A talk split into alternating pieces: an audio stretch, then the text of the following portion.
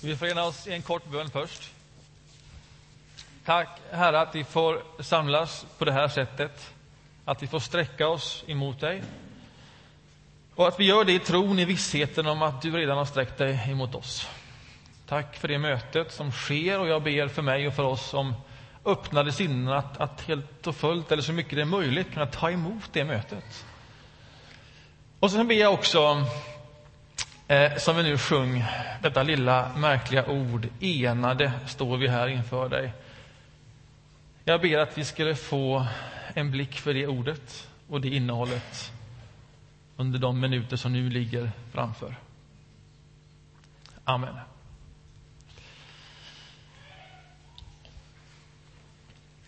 I min bil har jag en digital display längst fram på instrumentpanelen som ger mig eh, budskap hela tiden. Den talar om för mig att jag lyssnar på P1. Eller den talar om för mig att jag lyssnar på CD och vilket eh, spår jag är på just nu. Sen finns det andra budskap som den ger mig, eh, där den också lägger till ett ljud, ett signalljud, för att verkligen fånga min uppmärksamhet. Eh, ett sånt ljud och ett sånt budskap, det är det här. Fuel level low. Och så piper det upprepade gånger. Så att jag verkligen inte ska missa detta. Nu är bränslenivån låg. Jag var på väg för några år sedan nu i samma bil som jag fortfarande kör. Här från Göteborg till Jönköping. Jag skulle på ett möte där och eh, när jag kom en bit på vägen, inte halvvägs, men ändå en bra bit, typ Bollebygd tror jag det var, så hör jag den här signalen och får budskapet. Fuel level low. Ja, tänker jag. Ehm, jag svänger in här på första bästa bensinmack. Tar fram min plånbok. Och så ska jag tanka och så märker jag att jag har ju faktiskt inte plånboken med mig idag. Vad gör jag nu? Jag har kanske fem mil tillbaks. Det klarar jag. Jag har kanske tio mil till drygt till Jönköping någonstans där. Jag var inte säker. Det klarar jag kanske. Och så tänker jag, men det är ju faktiskt så att alldeles på slutet där i Jönköping, innan man kommer till Jönköping, ganska långt innan man kommer till Jönköping, känns det som att kommer man bara över det krönet där, det är lång, lång, lång, lång, lång backe ner. Är ni med? Så jag tänker, alltså bara jag kommer över det krönet, så kan jag rulla ner hela vägen in i Jönköping och parkera på någon parkeringsplats, och så klarar jag mig. Så jag tänker, eh, ja, det får bli så. Så jag ger mig ut på motorvägen igen. Det första jag gör är att trycka in trippmätaren, vet jag, som alltså mäter avstånd. Som talar om hur många hundra meter man kör. Efter man har fått det här budskapet, fuel level low. Så tänker jag kör lite saktare bara så att det inte drar så mycket bensin. Va? Lite sådär försiktigt. Men ändå, jag har ju en tid att passa. Så jag kör, det är motorväg, det är motorväg, det är motorväg. Jag känner mig på väldigt gott humör och självsäker. Två, tre, fyra, fem mil. Men man kommer upp där till sju, åtta, nio, tio mil så börjar man känna och fortfarande ingen nedförsbacke. Och man vill inte stanna där innan nedförsbacken. Så jag, jag, jag, jag tror jag håller liksom andan sista kilometrarna där 10, 10 och en halv mil, 10 och en halv och 100 meter. Och så kom det där krönet. Och jag släpper på gasen, lägger ur växeln och sen rullar jag hela vägen ner till Jönköping. Parkerar jag ska parkera, går in på mitt möte. Så, vad lär man sig av det här? Ja, man lär sig förmodligen en mängd olika saker. Någon skulle lära sig att eh, man ska aldrig köra så där med lite bensin i bilen, utan man ska alltid ha halvfyllt och uppåt. klarar man sig alltid. Någon tänker ja, man, man ska åtminstone alltid ha med sig plånboken, åtminstone för körkortets skull. Vad lär jag mig? Jag lär mig, alltså om jag trycker in trippmätaren, när jag får det budskapet, fuel level low, så kan jag minst köra 10 mil till. Är du med? Det tog ju inte ens slut när jag kom till Jönköping. Det fanns förmodligen lite ånger kvar att jobba med. Va? Och jag tänker mig att livet är sånt att vi har en sorts inre display som hela tiden ger oss olika budskap. Och som nu och då talar om för oss Fuel level low. Nu är bränslenivån låg. Och vad gör man då? Är man sån som jag, då gör man så att ah, jag klarar lite till. Jag drar på lite till. Det har gått förut. Det går den här gången med. Och så gör jag så. Och jag gör så när det kommer till min bil, rutinmässigt numera. Rutinmässigt. Och det blir nästan alltid så att när jag väl måste tanka, så är det sällan ett bra tillfälle att tanka. Och jag har bråttom och inte nu, nu, inte nu, men nu måste jag, annars går det inte längre. Och jag tänker att livet är nog, det är nog så, det är ju inte som en maskin, men det finns en sån inre display för olika områden i livet. För livet är ju så många olika saker. Livet är ju socialt, relationer. Och det kan vara så att man har så oändligt mycket omkring sig och man jobbar och det är fullt sjå att hinna med allting. Att man inte liksom bjuder hem någon eller inte ringer det där samtalet och sen plötsligt så känner man och hör budskapet inom sig, fuel level low. Vad tog alla vänner vägen?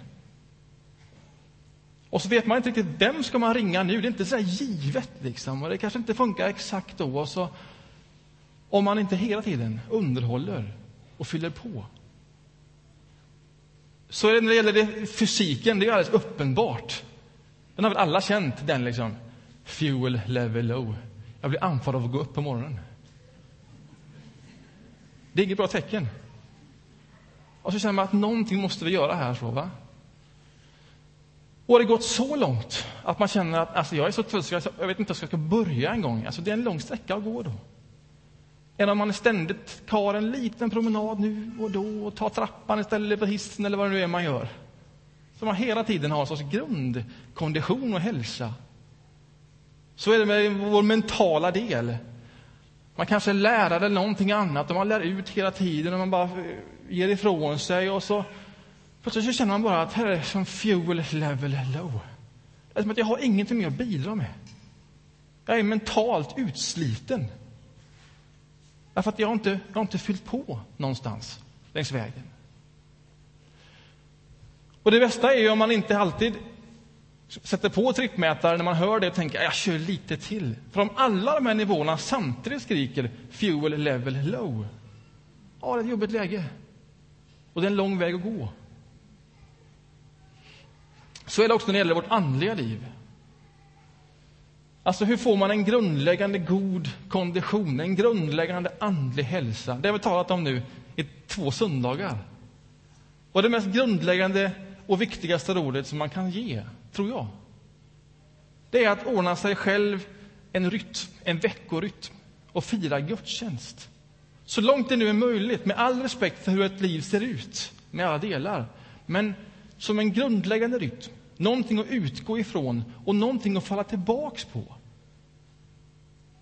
Man firar gudstjänst, man möter sin församling, man får del av ordet och man ber och man sjunger lovsång. Det är ett sätt att åtminstone ge sig själv verktyg för en, en grundkondition, en grundläggande andlig hälsa. Och så har vi ansvar för våra liv, att fylla på på de olika ställena så att det inte tar slut. Och det är ju var och ens ansvar. Man kan, jag kan inte ge ifrån sig och tänka, fyll på mig. Utan det har man ju själv i hög grad. Och det är viktigt att ta det ansvaret på allvar. För vad hjälper det en människa om hon vinner hela världen, men får betala med sitt eget liv säger Jesus. Man har ett ansvar. Lyssna på din inre display. Var noga med det. Känn av signalerna. Om det har vi talat nu i två söndagar och om gudstjänsten. Och nu ska jag säga någonting om gudstjänst idag igen. Men nu ska jag byta perspektiv. Därför att livet är inte bara att sitta där i sin bil med det perspektivet att hit ska jag, det här är mitt synfält, och så lyssna på sin display vad den säger. Livet är också andra saker. Livet är lika mycket att stiga ur det synfältet och bli den som är med och bidrar så att man fyller på energi och bränsle där det behövs. Och det här är kanske det svåraste vi har att göra i våra liv, att stiga ur vårt perspektiv. För detta är ju mitt liv och detta är mina behov och hit är jag på väg. Och sen stiga ur det. Och se livet från andra människors perspektiv och behov. Det är kanske det mest utmanande och svåraste vi har att göra under ett mänskligt liv. För det intuitiva, det är här är jag på väg. Det måste bara funka från det här perspektivet. Men om det ska funka så behöver man svänga in till den här macken. Och för att det ska funka så är det en mängd olika funktioner som vill till. Bränslet ska ju dit på något sätt. Och det ska, det ska samordnas, och det ska människor, det ska saker och ting. Och för att mitt liv ska fungera så är jag helt beroende av att det finns en fungerande bensinmack med människor och andra saker som bidrar och har tänkt till. Om det perspektivet vi har pratat idag. Prata låter så profant. Om det perspektivet ska jag predika idag. Här är en bibeltext ifrån Filipperbrevet. Filipperbrevet kapitel 2. Läser från början där. Om du har fått en bibel med dig så ser du sidavisningen här på skärmarna.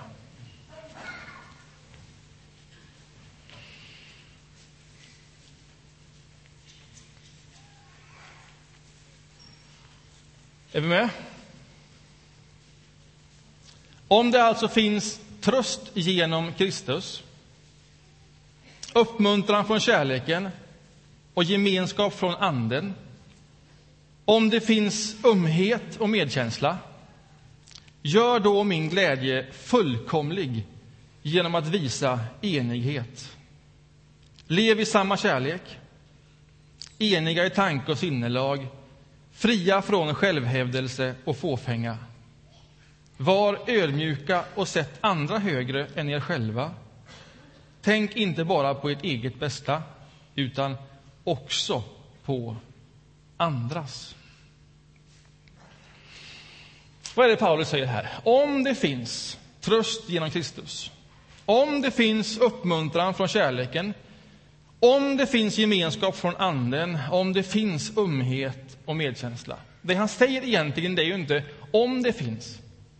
Det är retorik. Han säger när det nu finns. För när han säger om det finns, då hör ju de som hör detta, ja men det vet vi ju, att det finns. Det är därför vi är förenade som församling, det är därför vi möts. Ja, men så hade de ju hört Paulus förut säga, ingen kan säga Jesus Kristus är Herre utan att man är fylld av helig ande. Ja, men gemenskap från anden, det vet vi ju. Det är därför vi hör samman. Så är det med var och en av er, har ju Paulus sagt, att, att genom anden har vi alla döpts att tillhöra en och samma kropp. Ja, men här finns tröst från Kristus. Här finns ömhet och medkänsla. Det är någonting av detta vi har fått fatt hos Kristus. Och dessutom så känner vi någon form av samhörighet. Det finns gemenskap från Anden, det finns gemenskap i Anden, genom Anden. Ja, men så är det ju. Det känner vi av allihop. Om det finns det, när det finns det, vad betyder det? Det hör man. Ja, och så säger Paulus, ja, om det nu finns detta, gemenskap från Anden, gör då min glädje fullkomlig. Är det viktigt att Paulus är glad? Vad är det han säger? Varför ska hans glädje bli fullkomlig? Ja, också det här är ju retorik. Men ett sätt att väldigt, väldigt tydligt säga till dem. Om det nu är så att det finns gemenskap från Anden och tröst från Kristus och vi upplever någonting av detta, om det är på den grunden vi står och lever. Gör då min glädje fullkomlig genom att visa varandra enighet. Vad han säger, det finns ingenting viktigare. Det finns ingenting större. Det finns inget djupare i kristen tro det här är inte bara ett perspektiv bland andra. Detta är perspektivet. Om man ska göra hans glädje fullkomlig visa varandra enighet. Om det nu är så att det finns genom Anden och från Kristus, lev det. Lev så. Ibland kan man ju höra ja, vi skulle vilja ha mera bibelundervisning. Eller vi skulle vilja ha lite mer djupare undervisning, något att bita i. Lyssna noga nu. Det blir aldrig djupare än så här. Det blir aldrig mer bibliskt än så här. Om det finns gemenskap från Anden. Då finns det inget större. Det finns inget som skulle kunna göra Paulus glädje fullkomlig än att vi visar varandra enighet. Detta är det största.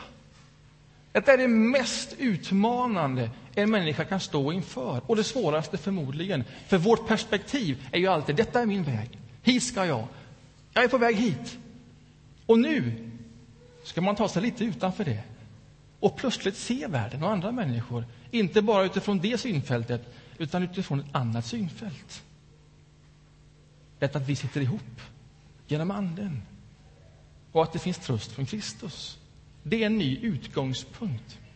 Och så säger Paulus, ja, och därför var fria ifrån självhävdelse, fåfänga och visa varandra ödmjukhet. Sätt inte dig själv först, utan låt andra komma först. Nu och då. Byter han spår? Hans ärende är ändå enhet. Och så talar han om ödmjukhet, att inte hävda sig själv. Nej, vad han gör det är, om man ska få till enhet så är det fullständigt nödvändigt, en förutsättning att vi gör oss fria från det där behovet att hävda oss själva. Att ta egen plats och fåfänga. Att faktiskt göra oss ödmjuka och inte se allting ifrån detta givna intuitiva perspektivet som är mitt. Och får vi till det, ah. åh, oh, då skulle min glädje vara fullkomlig. Det finns ingenting större än att få till det. Och det känner man ju själv om man kommer in i en sån miljö. En sån miljö av enighet som ju inte är samma sak som att här tycker vi likadant. Här tänker vi likadant. Men man kommer in i en miljö av enighet som är frukten av att människor inte hävdar sin egen rätt och sina egna behov bara, utan man ödmjukar sig inför varann. Och man finns där för att betjäna varann. När man kommer in i en sån miljö, då känner man det direkt. Åh, här är det lätt att andas. Det är liksom förtätat i atmosfären, men det är lätt att andas. Och det går att vara sig själv i den. Jag behöver inte hävda mig själv, jag kan bara vara mig själv. Och bara det betjänar en annan människa. Gör min glädje fullkomlig. Det här är ganska intressant. Det verkar som om man följer den bibliska historien så är det där ett drag som Gud premierar. När man inte hävdar sig själv. När man vågar vara ödmjuk, sårbar, den man är. När folket lever där i fångenskap, Egypten, och man ropar på Gud, man vill befrielse, så finns det en man där, Moses, han som ska bli den stora ledaren, den stora, starka ledaren. Och Gud kallar på honom. Vad är hans initiala reaktion? Det första han säger det är inte en sån som jag. Hur i hela världen skulle jag kunna hjälpa till med detta?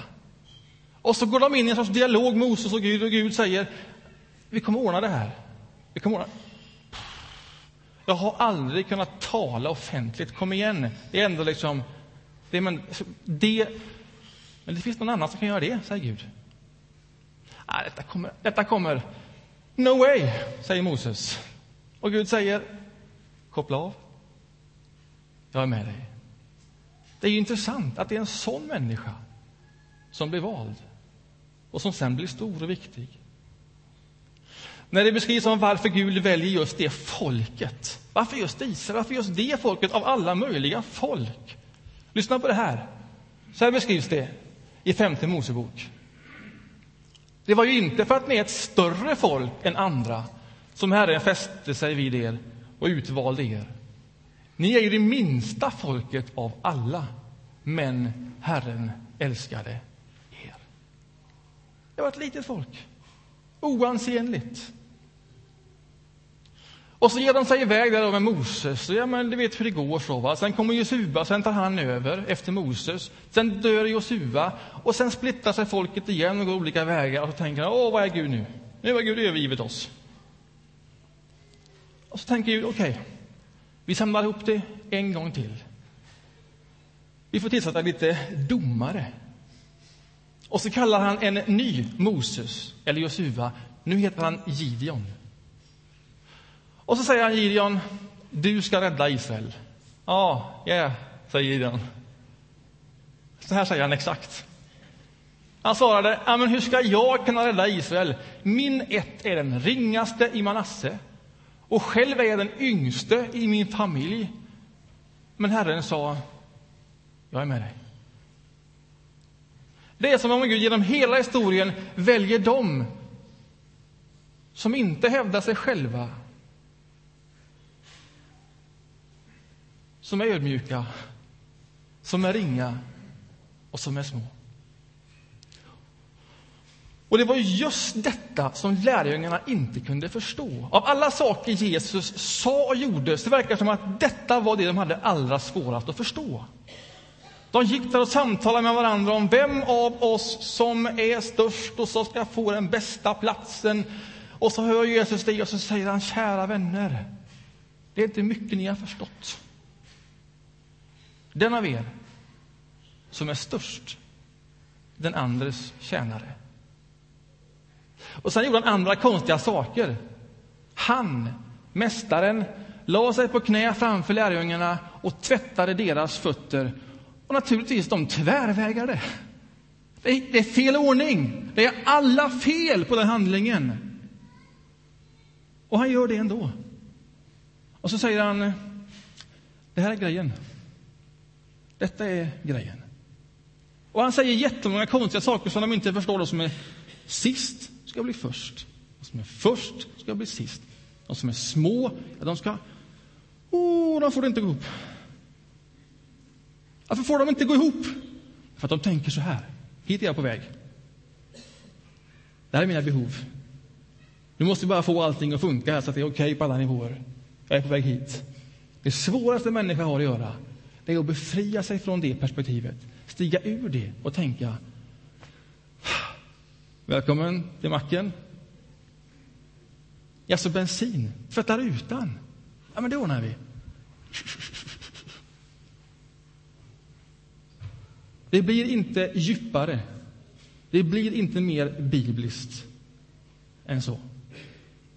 Varför ska du fira gudstjänsten? Naturligtvis för att du behöver fylla på i ditt eget liv. Du behöver bränsle, sjunga lovsång. Du behöver höra ur Guds ord, det behöver vi alla få göra och läsa det. Dela bröd och vin. Men underskatta inte din närvaro för andra människors skull i en gudstjänst. Alltså, bara att du är här, att vi är här och att vi tillsammans skapar möjligheter för varandra att fylla på Det är en viktig uppgift. När du ser någon annan i ögonen och säger Vad roligt att se dig. När du sjunger in i lovsången här och hjälper någon annan att ta ton i lovsången inför Gud. Eller när du stiger fram här och tänder ditt ljus och du tänker att du bara gör det för den som du ber för, så uppmuntrar du någon annan att följa med dig. Kan hon, kan han, kan jag. Och så hjälper vi varandra att fylla på och be. Så firar vi gudstjänst. Gudstjänst är någonting vi gör tillsammans. Det är så här vi är bensinmack, om man nu får använda den metaforen igen. Och underskatta inte din närvaro. När du kommer hit med dina barn, om du nu har barn, och du sliter hit familjen och ni är här, tänker vi har ändå bestämt oss för det, så, va? så bara att du är här välsignar en annan familj och deras barn som möter någon annan. Vi behöver varann. Du firar inte bara gudstjänst för din egen skull. Du firar gudstjänst precis lika mycket för andra människors skull.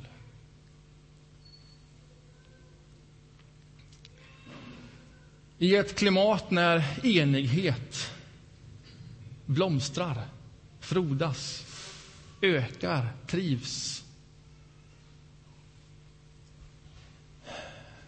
så växer kyrkan. Och den växer på alla sätt. Den växer på bredden, och på längden, på djupet och på höjden. Och varje enskild individ som kommer in i en sån miljö den blir välsignad och den fyller på och den får för egna behov. Om det nu finns gemenskap från Anden, tröst från Kristus, då finns det inget viktigare.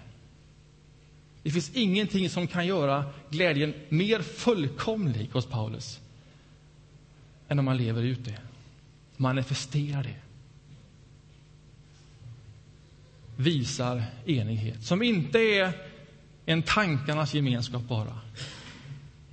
Utan detta att vi möts för att vi redan är förenade genom Kristus, genom helig Ande. Så kan man ju tänka att eh, ja, men detta är ett gott perspektiv.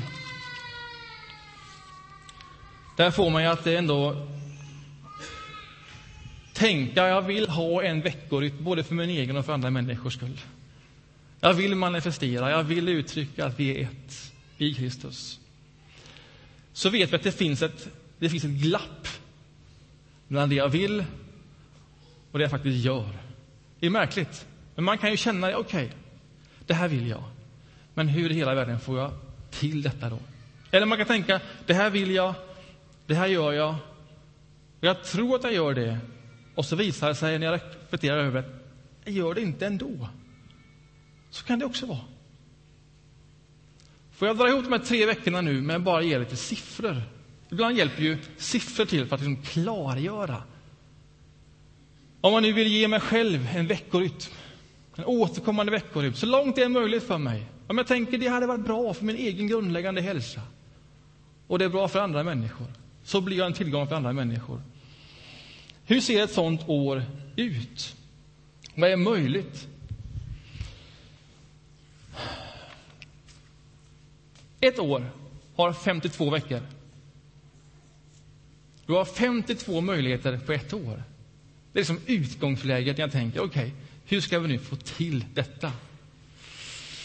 Och så sätter jag mig ner och så funderar jag, okej, okay, 52 veckor, men det är inte riktigt sant. Det finns ju många saker som liksom försvinner längs vägen. Vi måste ju vara realistiska med detta, eller hur? Alltså, sommaren kommer in. Det är semester, kanske sex veckor, och så är det någon vecka innan och någon vecka efter. Och det är inte en fungerande barnkyrka. Och det är liksom, vi åker, vi är på väg på olika ställen. Det försvinner åtta veckor där direkt. Det är rimligt, tänker jag. 52 minus 8, det är 40. Matte har aldrig varit på min sida, men 44, va? Sen kommer jul och nyår, det kommer ju snart. Ja, då vet man, det är samma sak där med barnkyrkan, jul och nyår, man ska besöka sina föräldrar, släktingar, det går någon vecka, man kanske har tenta i skolan just den perioden. Ja, men fyra söndagar går alltid omkring där. Det kan vi se på vår gudstjänststatistik, att i snitt går det fyra veckor omkring där. Då är vi nere i 40 söndagar på ett år. Sen kommer det så sportlov, och påsklov och höstlov. Tre sådana lov, det är liksom givet. Man åker någonstans, åker man inte någonstans vill man känna att det är lov, och man är ledig, och man går på badhuset och lite sånt. Va? Där är sex söndagar på ett år. Då är vi nere i 34 söndagar Fortfarande inget konstigt sätt ser livet ut för många av oss. Sen, eh, sen fyller ju människor år. Och, och det är party långt på lördagskvällen och det är för jobbigt att gå upp på morgonen, men så är det ju. va? Eh, man själv fyller år och kanske föräldrar fyller år, man bor inte i stan, man måste åka dit och barn fyller år och, och någon som gifter sig och så. va? Eh, jag tänker mig att det kanske händer sex gånger på ett år. Då tar jag inte i, va? Det är rimligt. Sex gånger på ett år. Då är vi nere i 28. Stämmer det? Och sen jobbar man ju och, och någon jobbar skift och jobbar man inte skift så kanske man reser bort på någon konferens eller någonting. Så två, de här två söndagar åker jag alltid bort på jobbet. Det är som på ett år, lågt räknat. Det är nere på 26. Sen om man då har barn, som jag har, så eh, är det någon turnering eller är det något som händer sådär va? Barnen ska iväg och, det, ja, det, och jag tänker mig att det händer kanske fyra gånger på ett år. Eh, när jag säger det till någon som har lite äldre barn än vad jag har, så säger de det är generöst. Det är 22 söndagar kvar. Och sen tänker jag mig att eh, ibland så kan man bara känna ah, man är, så, man är bara så trött. När klockan ringer så på söndagen så känner man att jag behöver bara sova. Jag behöver bara sova, äta frukost i sängen. sova. Och det är helt okej. Okay. Gör det en gång per termin. Så.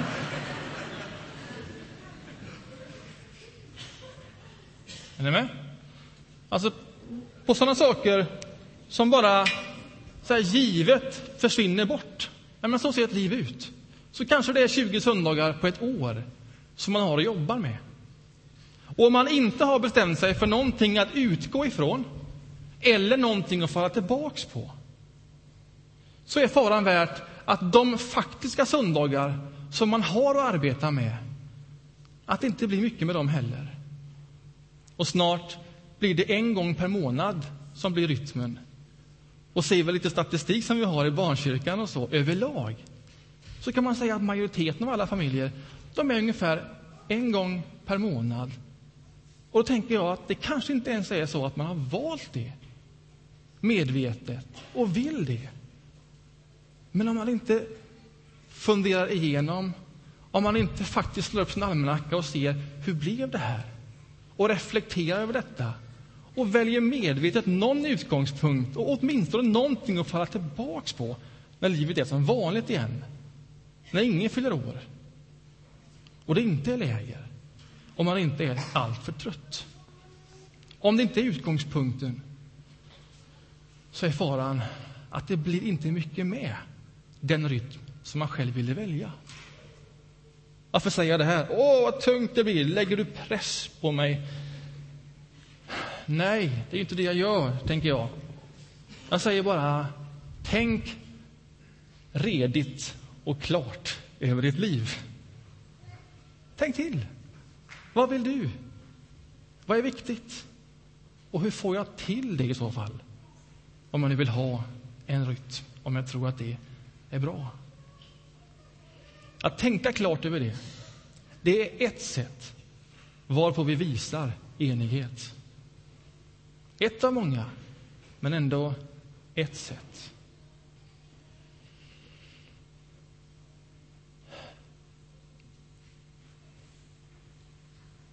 Amen. Vi ber en bön?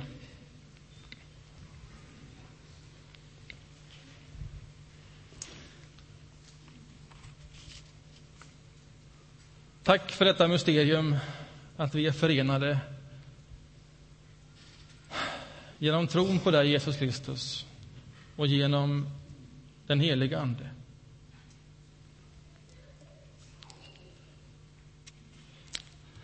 Tack för den gåvan. Tack för att vi får stå på den och luta oss på det och, och tänka att mitt liv det är, det är djupare och det är rotat och det sitter fast med andra människor även om man inte ser det enkelt på ytan. Hjälp oss att få fatt i det. Om det nu är så. Om det nu är så. och att låta det vara utgångspunkt. Låta det också formera mitt liv. Jag ber om den sortens enighet som kommer av att vi inte bara hävdar vår egen del utan att vi möts i viljan och ambitionen om att betjäna varandra ömsesidigt. Amen.